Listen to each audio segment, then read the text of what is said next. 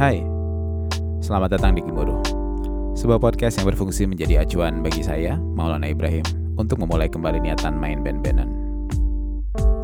Jika Anda belum pernah mendengarkan atau melihat penampilan depan turas, coba buka dulu di Spotify atau YouTube atau Instagram atau Twitter sekarang juga. Ya, band ini berhasil menyulap experience pendengar bahwa musik memang sudah seharusnya disokong dengan tampilan visual yang juga sangat menunjang.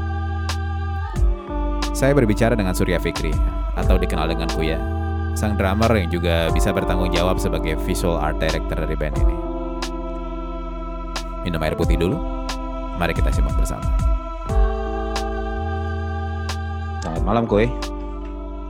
Halo malam, Full. Jadi saya manggil kamu mending Surya apa Kuya apa? Karena kan kita belum Kuya, pernah ya. formally bertemu sebenarnya. Asli, orang ngedengerin lagu maneh doang nih anjir. Sama, Di saya juga ngedengerin kamu doang. Di. Spotify terus kayak sekarang ba- baru ngobrol in person nih. Padahal kita di bawah satu manajemen yang sama ya. Asli. si orang Rizky manajemen kru. Jadi gini kuy, kan kemarin tuh ya saya udah cerita kali ya dikit-dikit. eh bu, saya mah bu- bukan bukan gila kali ya kalau sebel kalau saya mengakui kalau saya orang lama gitu. Cuman Asik asik. eh, balik balik zaman zaman SMA SMP SMA kuliah di Bandung tuh hampir banyak apa 80% 70% waktu saya dihabiskan buat main musik lah gitu dan men- menekuni gitu.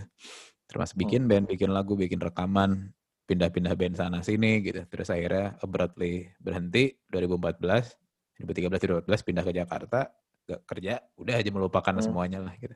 Ah, udah capek ah gitu udahan terus setahun kemarin akhirnya pengen main band lagi ya terus ngeband lagi gitu terus yang dirasakan teh Hmm. anjing beda gini ya ngebandnya tuh kayak semua yang saya ketahui 5-6 tahun lalu tuh beda banget eh sama sekarang gitu ketika apalagi udah mau rilis segala macem gitu terus Mm-mm. akhirnya melihat eh apa ngeliatin kiprahnya kamu sama Panturas gitu terus dan teman-teman lainnya gitu kayak apa ya impress gitu dengan oh oh begini ya sekarang tuh gitu jadi pengen ngepoin urusan itunya sih kuy jadi apa ya Mm-mm. mohon bantuannya untuk menceritakan beberapa hal Wadaw. kalau boleh diceritain ini dulu deh kuy kayak dari pertama tuh emang kamu passionate into main musik dan ngeband atau gimana? Soalnya sepengetahuan saya kayaknya kamu tidak pernah ada waktu di mana kamu gak punya band deh. Ya nggak? I- iya sih kayaknya. Orang eh into ngeband tuh sebenarnya awalnya yang kayak beneran ke studio band tuh SMP sih sebenarnya. SMP tuh. SMP kayak ke studio, kayak nggak tahu eh orang teh waktu itu kan eh, sukanya teh orang-orang mah sama bola ya. Maksudnya kayak ek- ekskul asik. Jadi kan sekolah tuh ada ekskul ekskul gitu tuh jadi eh, SD orang into banget sama bola gitu sampai pengen ke SSB tapi nggak nggak jadi jadi Oke. terus eh, pas SMP eh adalah kayak keinginan untuk ngeband karena waktu itu eh, jadi eh orang masuk pas kibra nih orang masuk pas kibra terus ada pelatihnya nih Oke. pelatih nanti orang ngelihat dia teh look up banget lah maksudnya kayak pelatihnya teh hormat terus kayak oh sosok keren gitu lah di SMP saat itu teh. Dan dia teh punya studio band. Oke. punya punya usaha studio band sampingan dari ngelatih paskibranya dia teh. Studio band terus kayak wa- eh, waktu kelas berapa ya? Kelas 3 kayaknya kelas 3 ayo ah ngeband. Asik. Hmm. yang orang ajakin main band teh adalah eh bandmate orang semuanya adalah anak-anak paskibra juga gitu. Oke. Itu tuh eh, di antaranya satu si Ijal. Ijal tuh sekarang gitaris Anturas juga. Eh terus eh, satu lagi Ipang namanya. Eh, itu dia pemain gitar terus vokal. Yang terakhir Iksal anjir.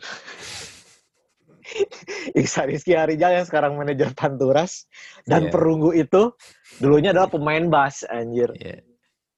Oke.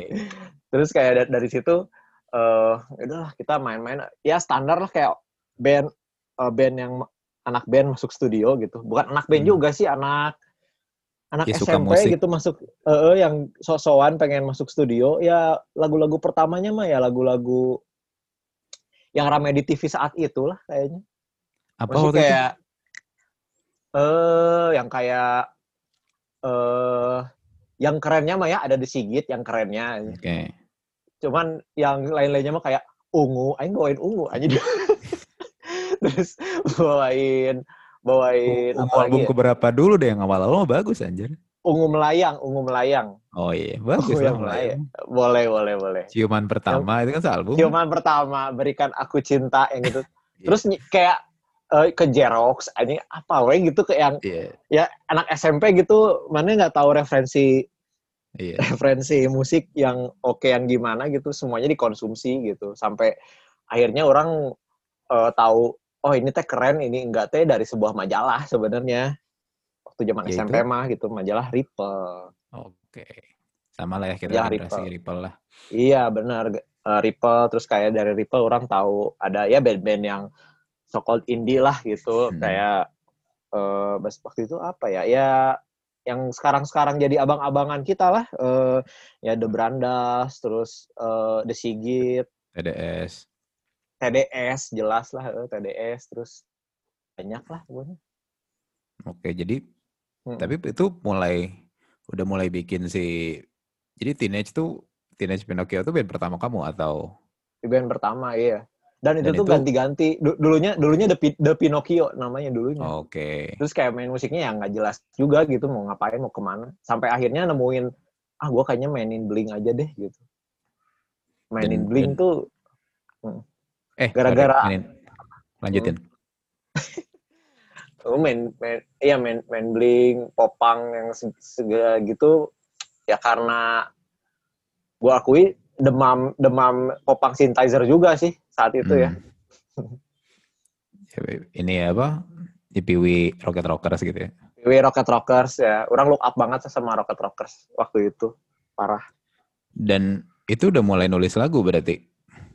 Mulai nulis lagu Oh. sendiri.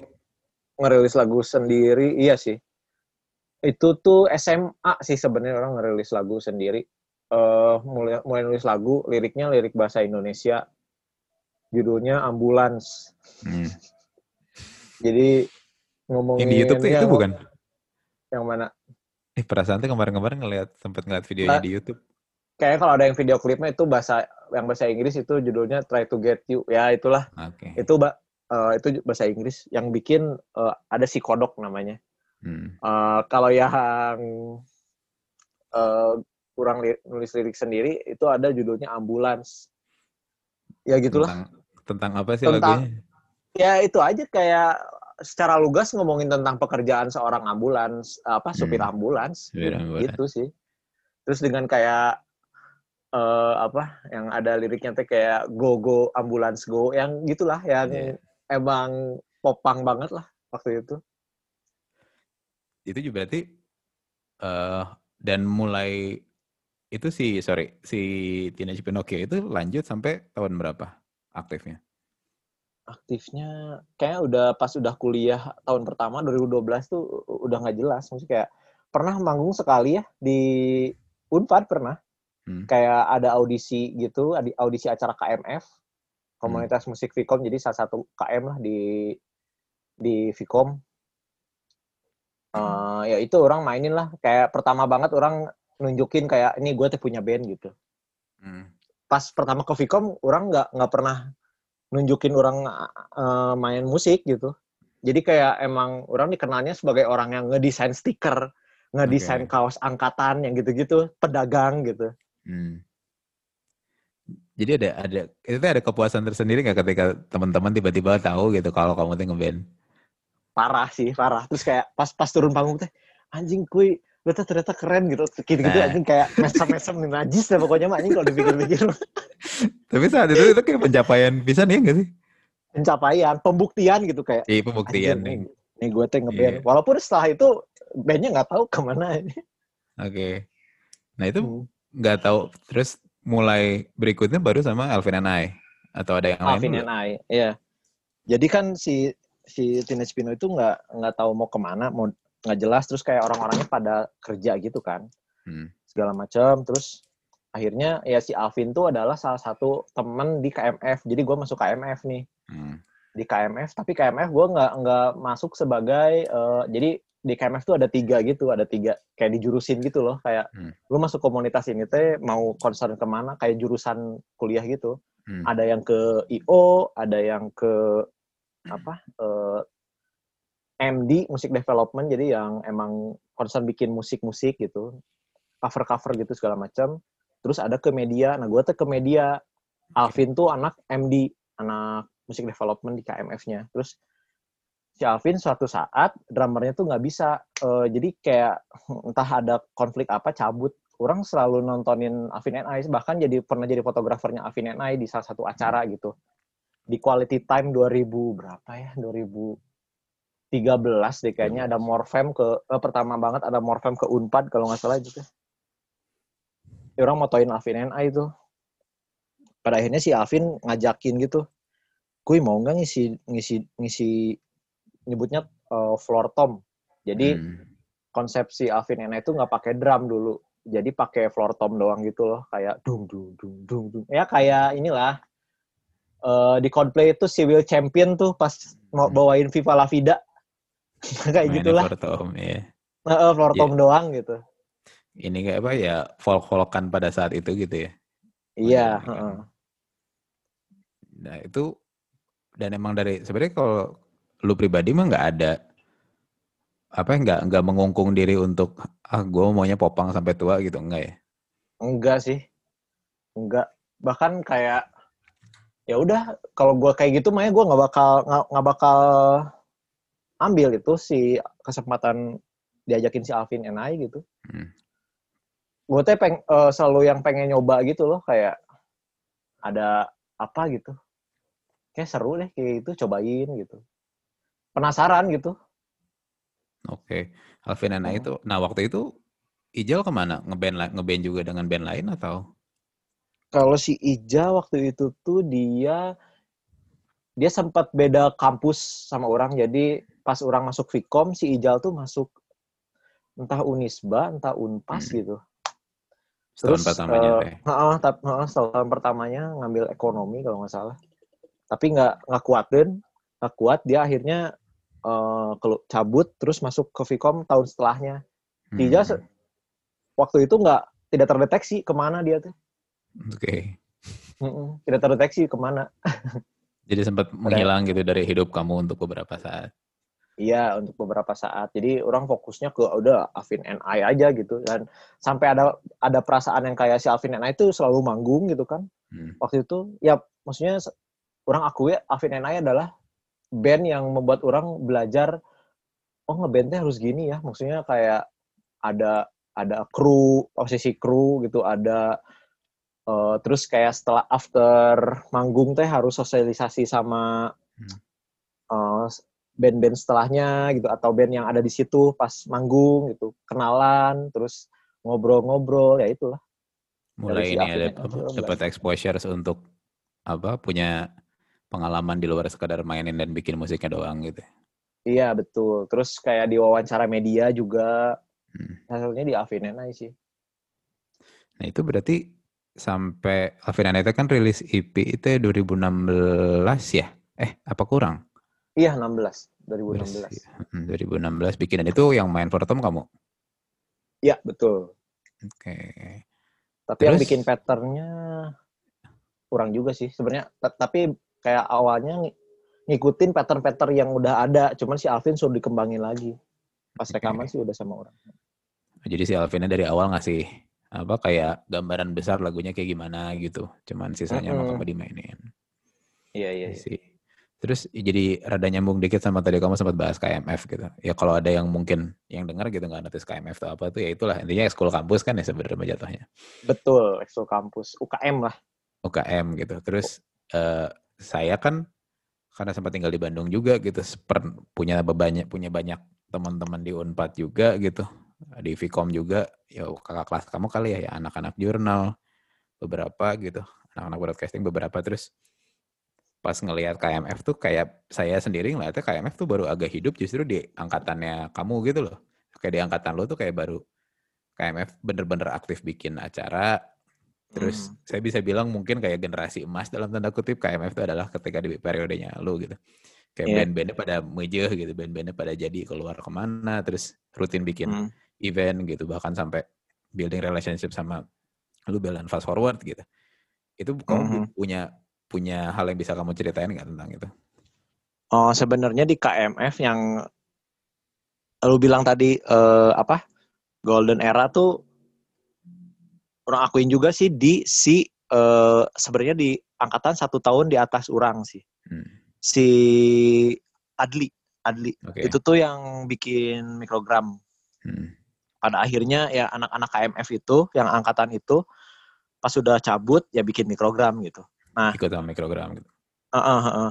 Ya itu mu- mulai dari si era si Adli lah itu kayak dimulai ada ada concern ke tiga tiga elemen itu tiga elemen MD Oke. eh, IO dan media itu pun orang bikin media namanya Gila Nada itu Hmm. itu tuh di di era itu juga gitu jadi banyak banyak banyak sesuatu yang orang teh memulai gitu di di KMFT gitu Boleh diceritain nggak sih, Kuy? Waktu itu band KMF itu siapa aja sih pas di era itu?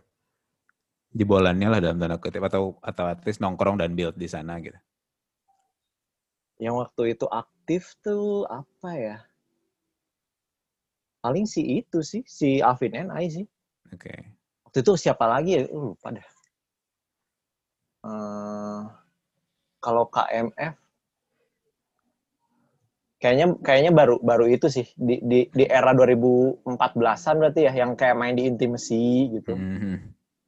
Heeh, tapi ya sisanya paling yang orang kenal anak kampus Nangor tapi kan bukan anak-anak Nangor gitu kayak misalkan si Dehe Little Lut gitu Hmm. kan dia anak KMF si Dehe tuh dia Hmm. eh, Little Lut dulu bareng Avin NI terus eh, bareng bareng seangkatan gitu terus siapa lagi ya Dia Febrina Eh, apa nih? dia Febrina iya terus si Tiara tapi Tiara belum eh, Oke. belum belum masih kafe kafe ke kafe kayaknya jadi waktu itu si Alvin NI tuh bentuk support anak-anak Vkom tuh edan pisan gitu Supportnya dalam bentuk? eh ya kayak kalau ada gigs nih di fakultas mana dateng gitu anak-anak KMF Oke. semuanya gitu terus ya jadi istilahnya kayak penonton bayaran tapi gak dibayar gitu. Hmm. Kayak yang jadi ini ya, meramaikan. Apa kayak ibaratnya jadi kayak band perwakilan ish gitu kali ya maksudnya jadi iya. merasa merasa oh ini si Alvin Enai main ayo kita semua ke sana gitu sebagai teman-teman satu komunitasnya gitu. Nah iya iya kayak gitu sih. Oh iya ada yang satu lagi tuh orkes Bagong Februari Lu oh lupa. nah itu dia. Saya saya tuh dari tadi tadi mikir perasaan ada ada satu iya band iya oh gelo gitu iya iya Alvin Ena itu yang seriusnya nah si Hmm. orkes Bagong Februari itu yang jogetnya gitulah Oke. si Gogon tuh yang vokalisnya Oke, itu tuh jadi kan kalau orkes Bagong mah formatnya kan kayak kayak PMR gitu kan ya. iya iya Nah itu tuh apa maksudnya kan saya kayak gue belakangan main ke rada rada sering main dan manggung beberapa kali di Unpad pada saat itu juga kayaknya di eranya 2012 2013-an. Terus itu kayak Hmm. setiap uh, tahu tuh pasti ada event yang main tuh antara Alvin Ene sama si Bagong. iya iya iya. terus gitu mikir kayak udah jadi band dalam tanda kutip yang band kandangnya gitu kan kayak home bandnya home bandnya Vicom gitu mikirnya. Iya. Karena bayarannya kadang gak dibayar, kadang paling gede teh sejuta gitu anjir. Oke. Ya waktu kuliah mikir apa sih? Ya yang penting Iya. seru, yang penting manggung gitu. Nah terus lanjut. Habis dari situ udah mulai bikin panturas atau atau gimana cerita atau malah soft blood dulu? Oh, kalau waktu itu sebenarnya orang udah udah mikir mau bikin pantura, cuman belum ada belum ada eh, teman yang bisa diajak ngobrol gitu. Hmm. kayak bener-bener blank aja terus kayak waktu itu kayak gue pertama no- eh, nonton eh, ini konsernya Beach Boys Hmm. Beach Boys yang The Lost Concert tahun 7 berapa gitu 70-an lah Terus yang masih lihat- ada akur lah ya. iya yang yang pokoknya pakai masih pakai inilah pakai baju garis-garis ke bawah. Hmm. Wah keren eh. Uh, ini musiknya apa ya? Kurang cari di ini. Oh ini disebutnya surf rock. Walaupun pada akhirnya orang menemukan bahwa itu teh beda mazhab ternyata. Iya. Iya kayak ini teh popnya lah gitu. Tak yeah, sebenarnya mah ini rock yang paling uh, major gitu. Uh, uh, ini tuh surf majornya lah gitu. Ini ada nih yang sebenarnya ngeroots terus orang cari lagi ter oh ternyata rootsnya adalah Dick Dale nah itu. Hmm. Terus nah, di situ teh orang ngobrol-ngobrol oh, terus kayak sama siapa pun yang kayak kuy lu lagi dengerin apa? Gue lagi surf rock ini ini ini kayak mana tahu gak sih yang orang baru yeah. nerima input terus kayak pengen ngobrol ke siapa pun tentang ini gitu. Kayak lagi dan, antusias dan, banget gitu.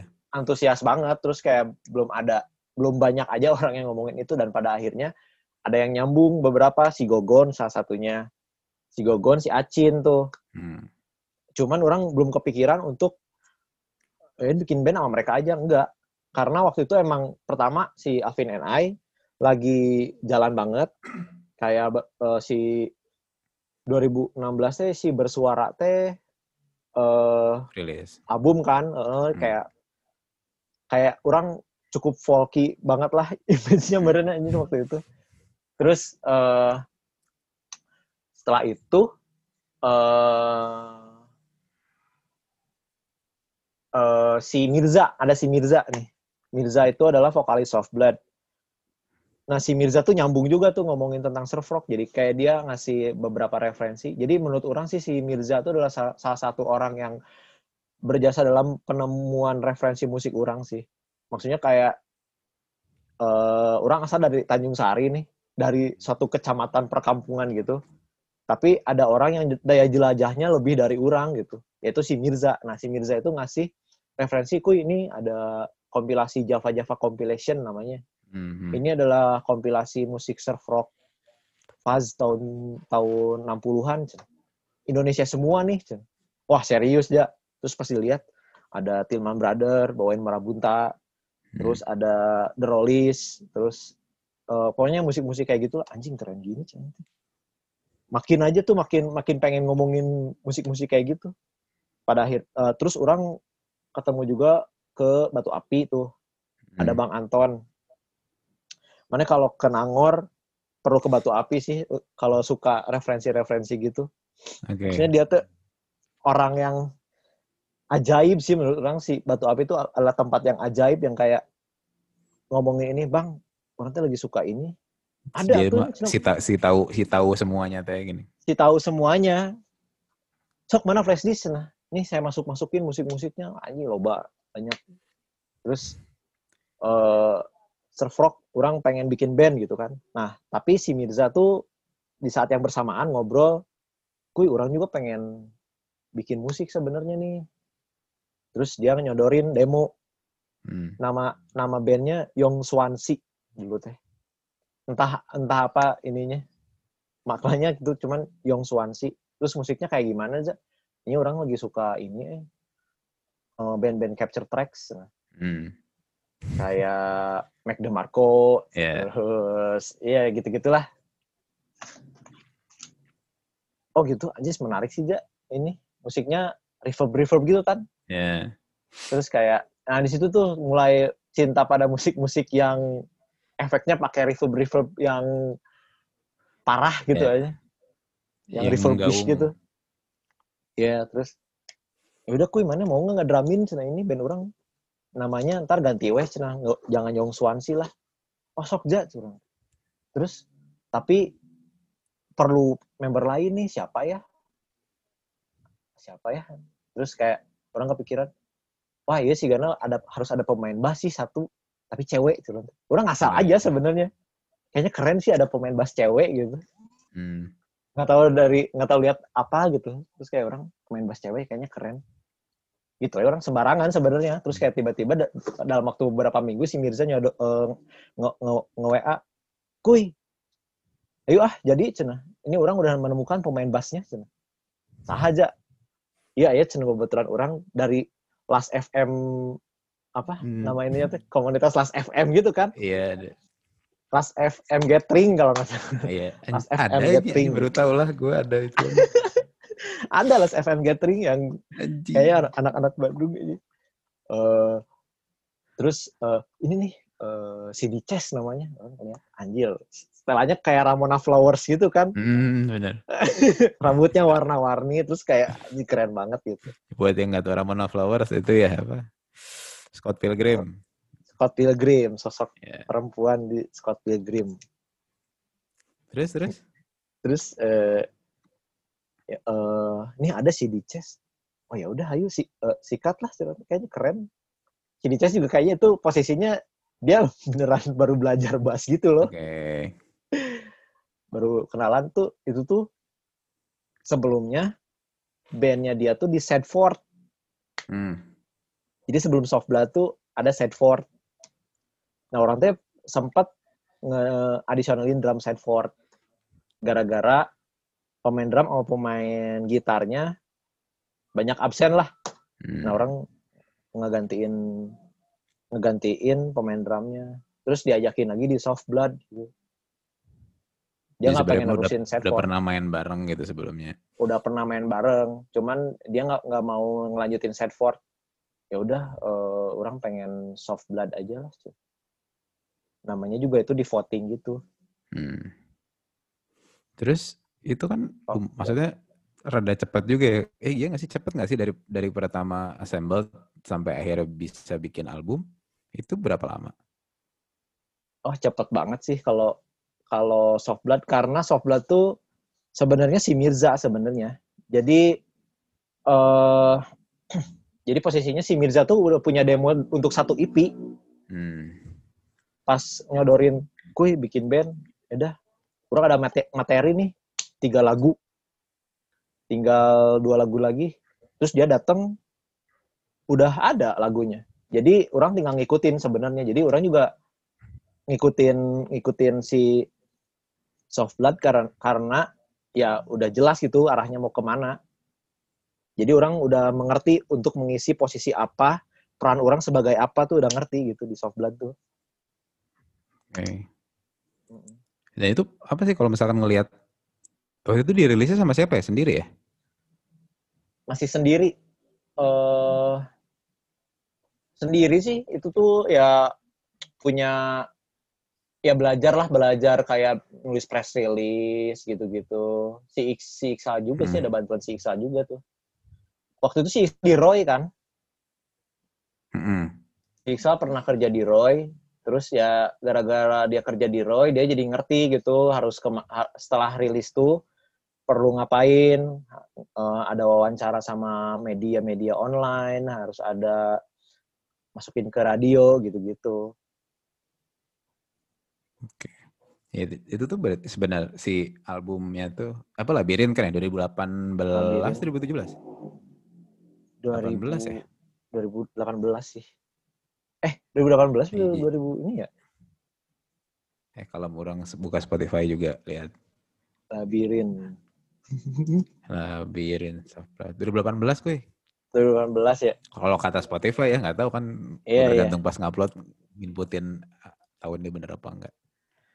Oh Pada saat itu 2018 yang- ya April April Apa yang apa yang paling kerasa apa ya? Kan kan kalau dari tadi ngikutin ceritanya lu mah kan ngeband agak popang pernah gitu, Mm-mm. folky pernah, Mm. eh, ya indie pop, indie rock tuh pernah juga, tapi kamu pada saat itu lagi benar-benar observing surf rock gitu.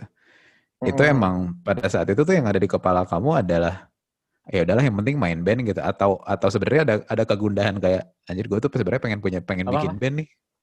Ada ada kegundahan nggak gitu selama menjalani itu semua tuh kayak kedengeran nggak? eh ini ul apa patah-patah tadi oh sorry Ya sekarang udah bener. Hmm. Hmm? Masih ya patah-patah udah nggak? udah aman aman Oke. aman Sip. Ya, tadi itu pertanyaannya kan kamu pernah ngeband lama Popang, pernah eh, aktif lama juga main folkish gitu, terus main indie rock juga gitu. Padahal di, di media yang kurang lebih sama juga lo lagi observing si surf rock gitu. Nah Hmm. ketika pas lagi manggung sama band-band ini tuh ada kegundahan kayak anjir gue tuh beneran pengen bikin surf rock nih kayak apa gelisah pengen pengen cabut lah atau segala macam itu pernah kerasa nggak atau ya udah jalanin aja yang penting main band dua-duanya sih nggak tahu sih agak-agak mixed feeling juga sebenarnya. Jadi Oke. orang nggak eh, agak-agak aduh pengen cabut tuh dan sebenarnya nggak nggak nggak pernah cabut juga sebenarnya dari dari ketiga band yang yang Hmm. orang ikutin gitu.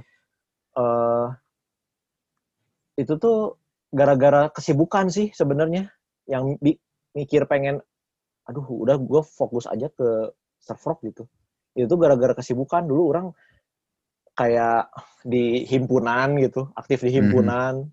Terus em, bikin-bikin media juga kan. Terus kayak anjir ini banyak gini si otak teh kebagi berapa gitu untuk memikirkan Hmm. hal-hal yang terlalu banyak gitu. Nah itu tuh jadi mikir kayak ah orang pengen fokus aja gitu. Tapi dah eh, nggak bisa gitu nggak segampang itu nggak segampang kayak orang kayaknya mau cabut deh. Orang tipenya orangnya nggak enakan nih. Hmm. Dan di satu sisi emang anak-anaknya asik juga gitu jadi sangat sayang sekali untuk ditinggalkan Jadi karena terlepas dari band-bandannya nongkrongnya juga masih seru gitu kan. Ah, nongkrongnya masih seru masih itu itu juga sebenarnya Hmm. Kalau lihat ber- beberapa band Jatinangor itu tuh kayak Hmm. bongkar pasang orang-orang yang sama tapi Iya. berada dalam proyek yang berbeda gitu Oke. Jadi kayak ini mungkin broken social scene gitu. Iya gitu. Kayak orang pernah ngebantuin drumnya Oscar Lolang gitu. Oke. terus eh Sky Cahyo orang pernah. Karena nggak ada lagi gitu. Waktu itu jarang gitu lah jadi sebenarnya drum Sky Cahyo aslinya si Nanda kan ada. Hmm. tapi si Nanda nggak bisa. Ya udah orang eh, callingan sama orang gitu. Terus apa lagi ya? Orang pernah nge jamming jamming manggung gitu sama si Oscar di acara acara musik senja bareng Hmm. John Castella gitu sekarang Hmm. kan Serikat Idol Remaja gitu jadi kayak Dekat idola. Uh, banyak banyak crossing crossing gitu tapi seru sih Jadi, jadi bisa dibilang sebenarnya keterlibatan kamu sama KMF dan aneka ragam kegiatan di dalamnya berperan besar untuk urusan networking ya? lumayan sih Oke. Eh, lumayan maksudnya kayak orang juga nggak tahu sih gara-gara apa ya maksudnya kayak nggak ngerasa kayak kayaknya orang nggak perlu tanggung jawab di sini nih padahal nggak pernah ada obrolan itu di band gitu cuman kayak ya biar biar enak aja sih komunikasinya Nah, sama ini lanjut ke Hmm. udah mulai ke eranya Pantura lah. ya. Mungkin kamu Yo, yo. kemarin udah bosen banget kah ditanyain gimana terbentuknya dengan cerita Aci nyanyi Oasis terus diajakin main gitu. yo yo Ini lebih pengen nanya kapan momennya lu ngerasa bahwa oh ya udah ini band gue dan ini pasti bakal bisa gede. Atau sampai hari ini masih belum ada perasaan itu.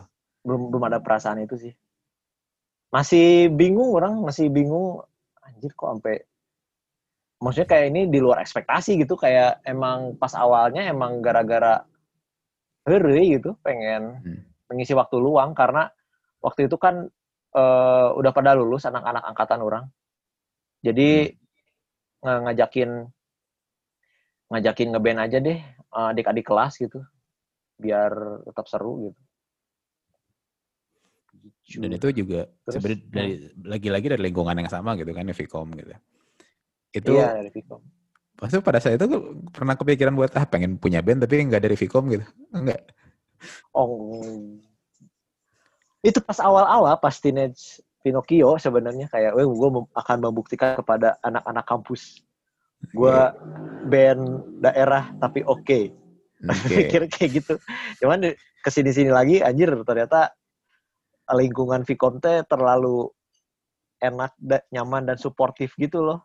Hmm. Kayaknya asik sih kayaknya nggak diajakin anak-anak ini kar- karena orang sukanya di Nangor tuh jadi serba belajar bareng gitu kayak misalkan orang kan minjem sound ke ke let's say abang-abang vendor di Jatinangor lah Hmm. misalkan namanya Pak Ugan nih minjem ke Pak Ugan kan kadang-kadang kita suka kesel ya sebagai bente aduh soundnya teh harusnya nggak kayak gini nih Hmm. Nah pada akhirnya adalah satu anak gitu mewakili, udahlah sok eh, orang belajar eh, sound engineer si Alvin tuh. Hmm.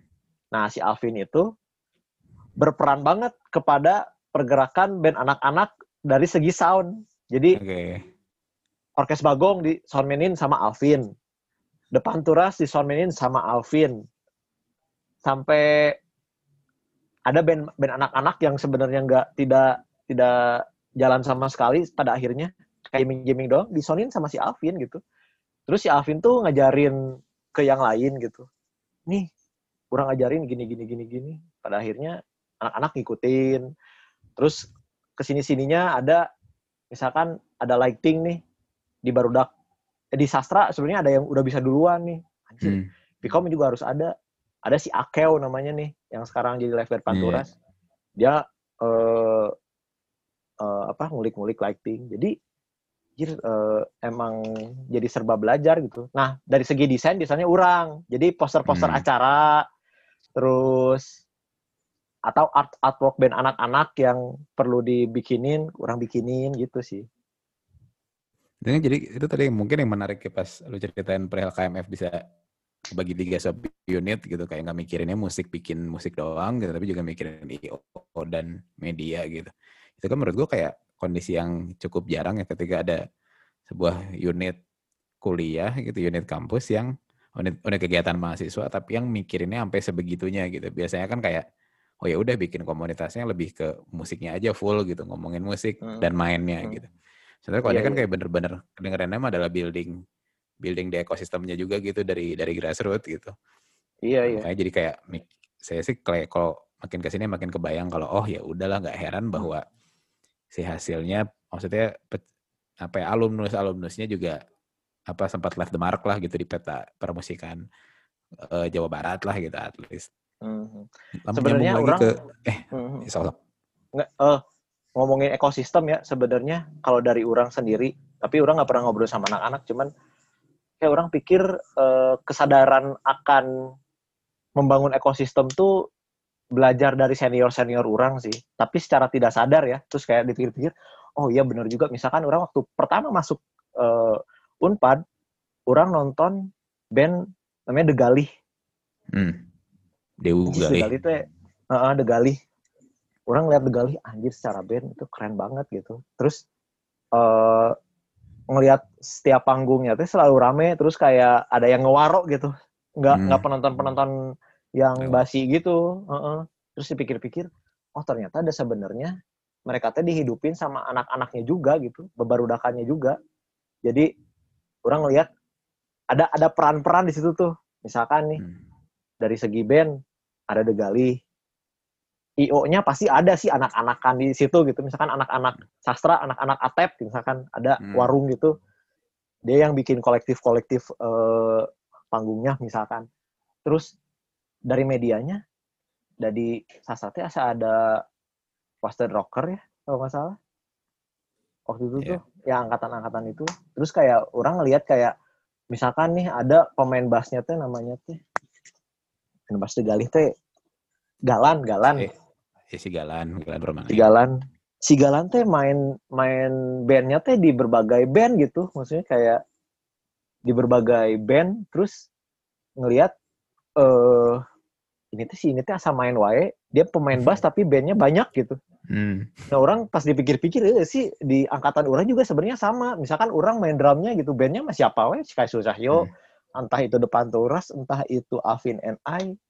Ya bisa kayak gitu. Terus yang main bassnya teh ada juga yang main bassnya siapa yang sering jadi adisional gitu. Orang orang jadi ada kesadaran itu gitu. Oh iya sih emang harusnya kita bagi-bagi peran gitu di komunitas teh. Nggak nggak semuanya pengen jadi anak band gitu. Harus ada yang concern di media juga di acara juga gitu. Itu kalau makin ke sini sih, gue ngelihatnya juga in a way lu mempraktekkan hal yang sama sama Pantura sih ya nggak sih? Kayak kan kalau gue yang merhatiin mah kan ngeliatin maksudnya lu mikirin apa eh, performance ketika manggung tuh looksnya kayak gimana termasuk produksi eh, apa sound engineeringnya kayak gimana termasuk branding dan apa visual artwork juga sampai kayak gimana itu memang tidak bisa dipungkiri kalau itu bener-bener kebuild dari waktu kamu semasa kuliah gitu iya sih sebenarnya itu Nah, jadi- gara-gara Hmm. Gimana? Jadi balik jadi balik lagi agak mulai deep ngebahas si Panturas nih. Hmm. Pas udah makin boleh dikasih tahu nggak titik di mana lu ngerasa kalau anjing ini kok udah banyak banget yang ngedengerin ya. Itu pas kapan dan baru rilis lagu apa? Yang ngerasa kayak gitu pas Sunshine sih. Hmm. Pas Sunshine eh, kalau kalau si Fisherman Slut kan itu adalah satu lagu yang ngebawa ngebawa kita ke mana ke mana-mana gitu si Panturas ke mana-mana. Kayak gue punya band nih mana lagunya? Kan suka suka gitu kan sama Hmm. anak-anak yang ini teh. Ini ada nih lagunya ini Fisherman Slut wah oke boleh. Manggung di Sorge gitu. Hmm. ya kan? Terus manggung di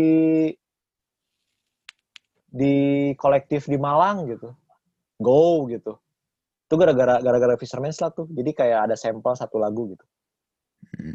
ya yang orang ngerasa itu pas wah udah banyak orang random nih yang dengerin tuh pas Sunshine Hmm. sih mungkin karena emang ada tambahan explosion dari video klip sih kayaknya ya Oke. Jadi Hmm. itu sampai sekarang masih kegambar gak ber- berapa jumlah viewsnya si video klipnya Sunshine? 6 juta nggak salah Itu kepikiran nggak sama sekali? nggak nggak sama sekali sih Malah orang pas mikirnya pas pas bikin video klipnya ya orang ngerasa Hmm. anjing acting aing tuh jelek banget anjing. Oke. ngerasa kayak gitu loh kayak ini layak tayang ya sebenarnya terus kayak apakah bener eh, apa eh, keputusannya diambil Tamara gitu meng apa namanya kayak eh ngelolosin si video klip ini gitu untuk tayang di di semua platform gitu. Oke. Nyebut kayak nyebut Tamara dikit gitu tadi. Pas Oh. sama Tomo Kako itu emang lu yang minta atau gimana ceritanya bisa akhirnya dikerjain? Eh, jadi kenal sama Toma Kako tuh eh orang sebenarnya ya sebelum kenal sama Tamara in person mengagumi karya-karya si Tamara sih karena orang Hmm. demen banget sama film-film Wes Anderson nih Hmm. Nah, ada di dia ada di video klipnya Meter Hello tuh. Si Meter Hello kan visualnya tuh menurut orang sih lebih keren lah, Beyond lah. sinematik, Heeh, dan konseptual gitu. Hmm. Terus pas lihat Dian Tamara, ih keren juga nih lucu gitu. Si tonnya orang suka banget. Eh adore lah sama karyanya Tamara. Terus entah kenapa ada momen di mana kita jadi kenal. Kayaknya di WTF deh kayaknya. Jadi si Tamara tuh waktu itu ngurus eh, Mangkitu Milioner. Oke. Mm-mm. Ngurus Mangkitu Milioner sebenarnya soal emang- dokumentasi segala macam. kalian main di WTF dulu baru Terus rilis si video klip berarti? ngobrol sama Tamara terus kayak eh, mulai deket lah ngobrol-ngobrol intens soal band segala macam si Pantuas ke mana ngomongin apa pernah tuh si Tamara satu satu momen jadi dokumentasinya si Panturas di acara Hmm. ulang tahunnya Indies Party Hmm. di Jakarta nah dan di Nah. situ kayak ya sikat sih kayaknya gue mau bikin video klip deh sama Tom Kako sikat aja Jadi sebenarnya timelinenya kalian main di WTF dulu gitu baru baru video klip Sunshine dibikin. Bukan sebaliknya ya. Saya selama ini mengira sebaliknya. enggak lagu lagu-lagu pas kita masuk eh, WTF itu lagu yang direkam cuman satu cuman Fisherman Slut doang yang masuk. Maksudnya kita waktu manggung di WTF tuh bener-bener kita bawain lagu yang unreleased semua kecuali Fisherman Slut Oke. itu makanya si Fisherman Slut ditaruh di di akhir lagu eh, di, di akhir lagu gitu karena yang orang Iya, tahu gitu. Terus eh pokoknya waktu itu tuh bener-bener padet lah jadi timelinenya setelah WTF masuk nih kan manggungnya tuh dua minggu setelahnya atau berapa minggu setelahnya gitu nah itu tuh kayak Boxing Day lah kalau itu mah Hmm. kalau sepak Bola. bola, mah Heeh. jadi eh, hari Sabtunya WT eh, hari Jumatnya Thursday Noise masuk Thursday Noise nih anjir itu Hmm. orang goals banget lah masuk Thursday Noise terus Widow Fest terus besoknya minggunya rekaman baru tuh lagu-lagu mabuk laut direkam pada hari itu hari hari Minggu tuh setelah orang manggung di WTF Itu berarti 2017 apa 18? 2017 Oke. Nah, uh, urusan bisa main di Thursday Noise sama bisa main di WTF itu apa yang terjadi berkat Fisherman Slide doang atau sebenarnya ada dorongan-dorongan lain gitu? Uh, kalau Thursday Noise itu timelinenya jadi uh, ya gara, emang gara-gara Fisherman Slide. Jadi ada dua orang yang yang nyampein Fisherman Slide sampai ke kuping Jimmy. Ada dua okay. orang. Yang satu Ratabil. si Rata. Si Rata tuh ngirim ngirim lagu itu ke si Jimmy. Jim lu dengerin deh lagu ini. Ini ada anak anak-anak Nangor. Lu kayaknya suka dah. Dengerin. Kayaknya uh, dia bilang kayak, oh oke okay, oke okay juga gitu. Tapi dia nggak nggak nggak kepikiran untuk ngajak ke Tesenois. Nah setelahnya, setelah beberapa minggu kemudian, si Japra Japra Indis Party jadi gue tuh baru buka baru buka uh, perform si Indis Party Indis Party di spasial. Terus kayak mungkin dia tertarik terus ngomong ke si Jimmy. Jim lu mainin Panturas dah. Eh gue kemarin um, kemarin uh, gue manggung dibukanya sama dia asik juga kayaknya itu di mainin Noise akhirnya diajakin dah tuh Menarik. Jadi itu ya apa? Satu lagu dan beberapa maksudnya perform apa ya kan macam-macam berarti experience orang tuh ada yang melihat ada yang nandain ada yang nyirian kalian tuh dari satu lagu ada juga yang emang nyiriannya dari experience ketika nontonin kalian manggung gitu nah hmm. urusan ketika gaya dan gaya dan apa apa ya ibaratnya attitude-nya kalian ketika manggung juga menurut gue tuh cukup beda dalam artian gue udah lama nggak nontonin band yang bisa having fun se sebrutal itu gitu. Hmm, Tapi si, si suaranya masih tetap kedengeran enak gitu. Ngerti gak maksudnya? Jadi kayak oh, iya. anjir ini nih maksudnya apa having fun tuh gini gitu kayak apa nontoninnya juga orang yang nonton akan ngerasa ya selain karena emang si surf rock tuh pada dasarnya emang lagu dansa dansi gitu. Ya, cuman hmm. ada ada beberapa hal yang emang kaliannya juga energetik juga gitu entah si Acinnya lu loncatan deparuguh lah apa segala macam gitu. Tapi hmm. nontoninnya tuh emang engage gitu. Nah urusan itu itu hal yang kalian konsepin atau enggak? Atau naturally built aja? Sorry ul gimana nggak apa-apa. Sampai mana tadi terakhir? potong aja kepotong-potong. Hampura, terakhir sampai mana tadi mana kedengeran nih? Eh uh, sampai si Acin ajut-ajutan. Oke. Okay. Nah, Acin ajut-ajutan dan kalian melakukan tindakan-tindakan lainnya di panggung gitu yang membuat hmm. orang tuh jadi engaged untuk nonton. Itu hal yang dikonsepin atau emang naturally built aja? Naturally built sih. Orang nggak pernah itu emang keinginan banget ya. Cuman nggak pernah tahu gimana cara nge-buildnya kan sebenarnya. Cuman sekesadaran orang itu tuh terbangun kayak uh, panggung Panturas heboh uh, crowd surf di mana tuh gara-gara pesta mabuk laut sebenarnya.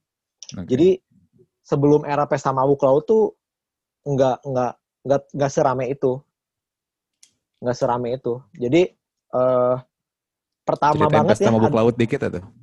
Nah, tapi ini sebelum pesta mabuk laut sebenarnya ada okay. panggung yang rame nih. Yang rame tuh di Malang sebenarnya di luar kota hmm. di di Bandung nggak pernah serame itu terus kayak excited gitu anjir orang main di Malang eh dan gini yang nonton gitu jadi kayak having fun segala macem nah orang teh orang kan orangnya sadar visual ya hmm. jadi uh, ada yang orang yang motoin terus ada ada yang foto-fotonya stunning gitu kayak jadi kayak ada si Acin crowd surf ada ada hmm. orang orang lagi kaki di mana-mana segala macam nah itu tuh orang tunjukin banget di sosmed oke okay. jadi secara secara nggak sadar orang ke stimu, stimulus gitu jadi oh kayak kayak mah ngusi panturasnya harus gini nih jadi orang naikin naikin gini, naikin gitu. Ya. semua crowd crowd yang emang seru gitu oke okay. setahu orang Noise tuh kepincut gara-gara orang ngupdate di acara kolektif anak-anak tuh namanya Bebe Gigs nah itu tuh uh -huh. orang ngupdate ngupdate video yang anak-anaknya lagi wah gila kacau banget segala macem lah uh -huh terus kayak dia komen gitu si Noise wih terus kayak ayo undang dong, dong om gitu gitu hmm. Nah, Jadi, tuh gara-gara itu kali ya, jadi kayak eh pokoknya pas awal-awal tuh selalu lah si Panturas tuh ketika ngeluarin foto panggung, ada satu foto yang emang anjing chaos gini gitu tah. Pengen nim- menimbulkan kesan anjing chaos gini gitu. menarik. Jadi jadi ketika ketika orang main ces ces ces nggak nggak apa nggak seseru yang di kayak di foto itu teh kayak orang-orang teh kayak ngerasa anjing gue harusnya bertanggung jawab untuk keseruan Hmm. ini gitu karena orang pernah pernah ada di situasi itu kayak misalkan nih orang suka sama sama bed chamber misalkan Hmm. suka sama bed chamber terus si bed chamber pas main ke Bandung orang Bandung teh kararia kan nontonnya kan Hmm, biasa. ya kan pada gini tah pada pada apa ini teh namanya teh Eh, melipat tangan. Melipat Berpang- tangan. Hmm, melipat tangan terus dengan jaim lah gitu Iya. orang sebagai orang yang kayak harusnya panggung si kolibri si acara si kolibri teh si Bad Chamber teh harusnya seru nih maksudnya bisa seru gitu orang jadi bertanggung jawab kan akan hal itu Hmm. gitu kayak harus apa kek gitu nge, Iya. nge- Mulai minimal dorong-dorong dikit gitu nah orang Iya. teh memikirkan hal itu kayaknya nih ha- harus kayak gini nih ngestimulus orang buat kayak cing ketika panggung panturas tidak seseru yang di orang ekspektasikan teh jadi Hmm. orang sendiri bertanggung jawab gitu untuk menyerukan si situasi panggung gitu Kayak boleh lo kayak gini Penonton gitu. ya. iya nah gini nih harusnya nonton panturas gitu. Jadi menariknya menariknya justru men- mendapatkan si stok foto untuk mempropagandakan itu tuh justru di Malang. ya? di Malang iya. Aneh banget. Itu tuh kayak eh, mungkin eh itu tuh perjalanan ke Malang tuh salah salah satu perjalanan terboncos dalam karir Pantura sebenarnya. Jadi kayak kita ke Malang itu nggak sama sekali nggak nggak nyentuh se- sehari. Jadi cuma enam jam gitu sisanya di jalan. Di jalan tuh kayak dua, dua hari gitu di jalan menuju Malang. Terus Dan ka- dan kalian tuh bu, jalur darat gitu ya. Takutnya nggak pada jalur darat ya road trip kan kayak di di ini kan film-film Amerika aja Iya. seru banget gitu road trip ceritanya. Cuman apes juga jadi orang ketabrak lah di Tuban segala macem. Oke.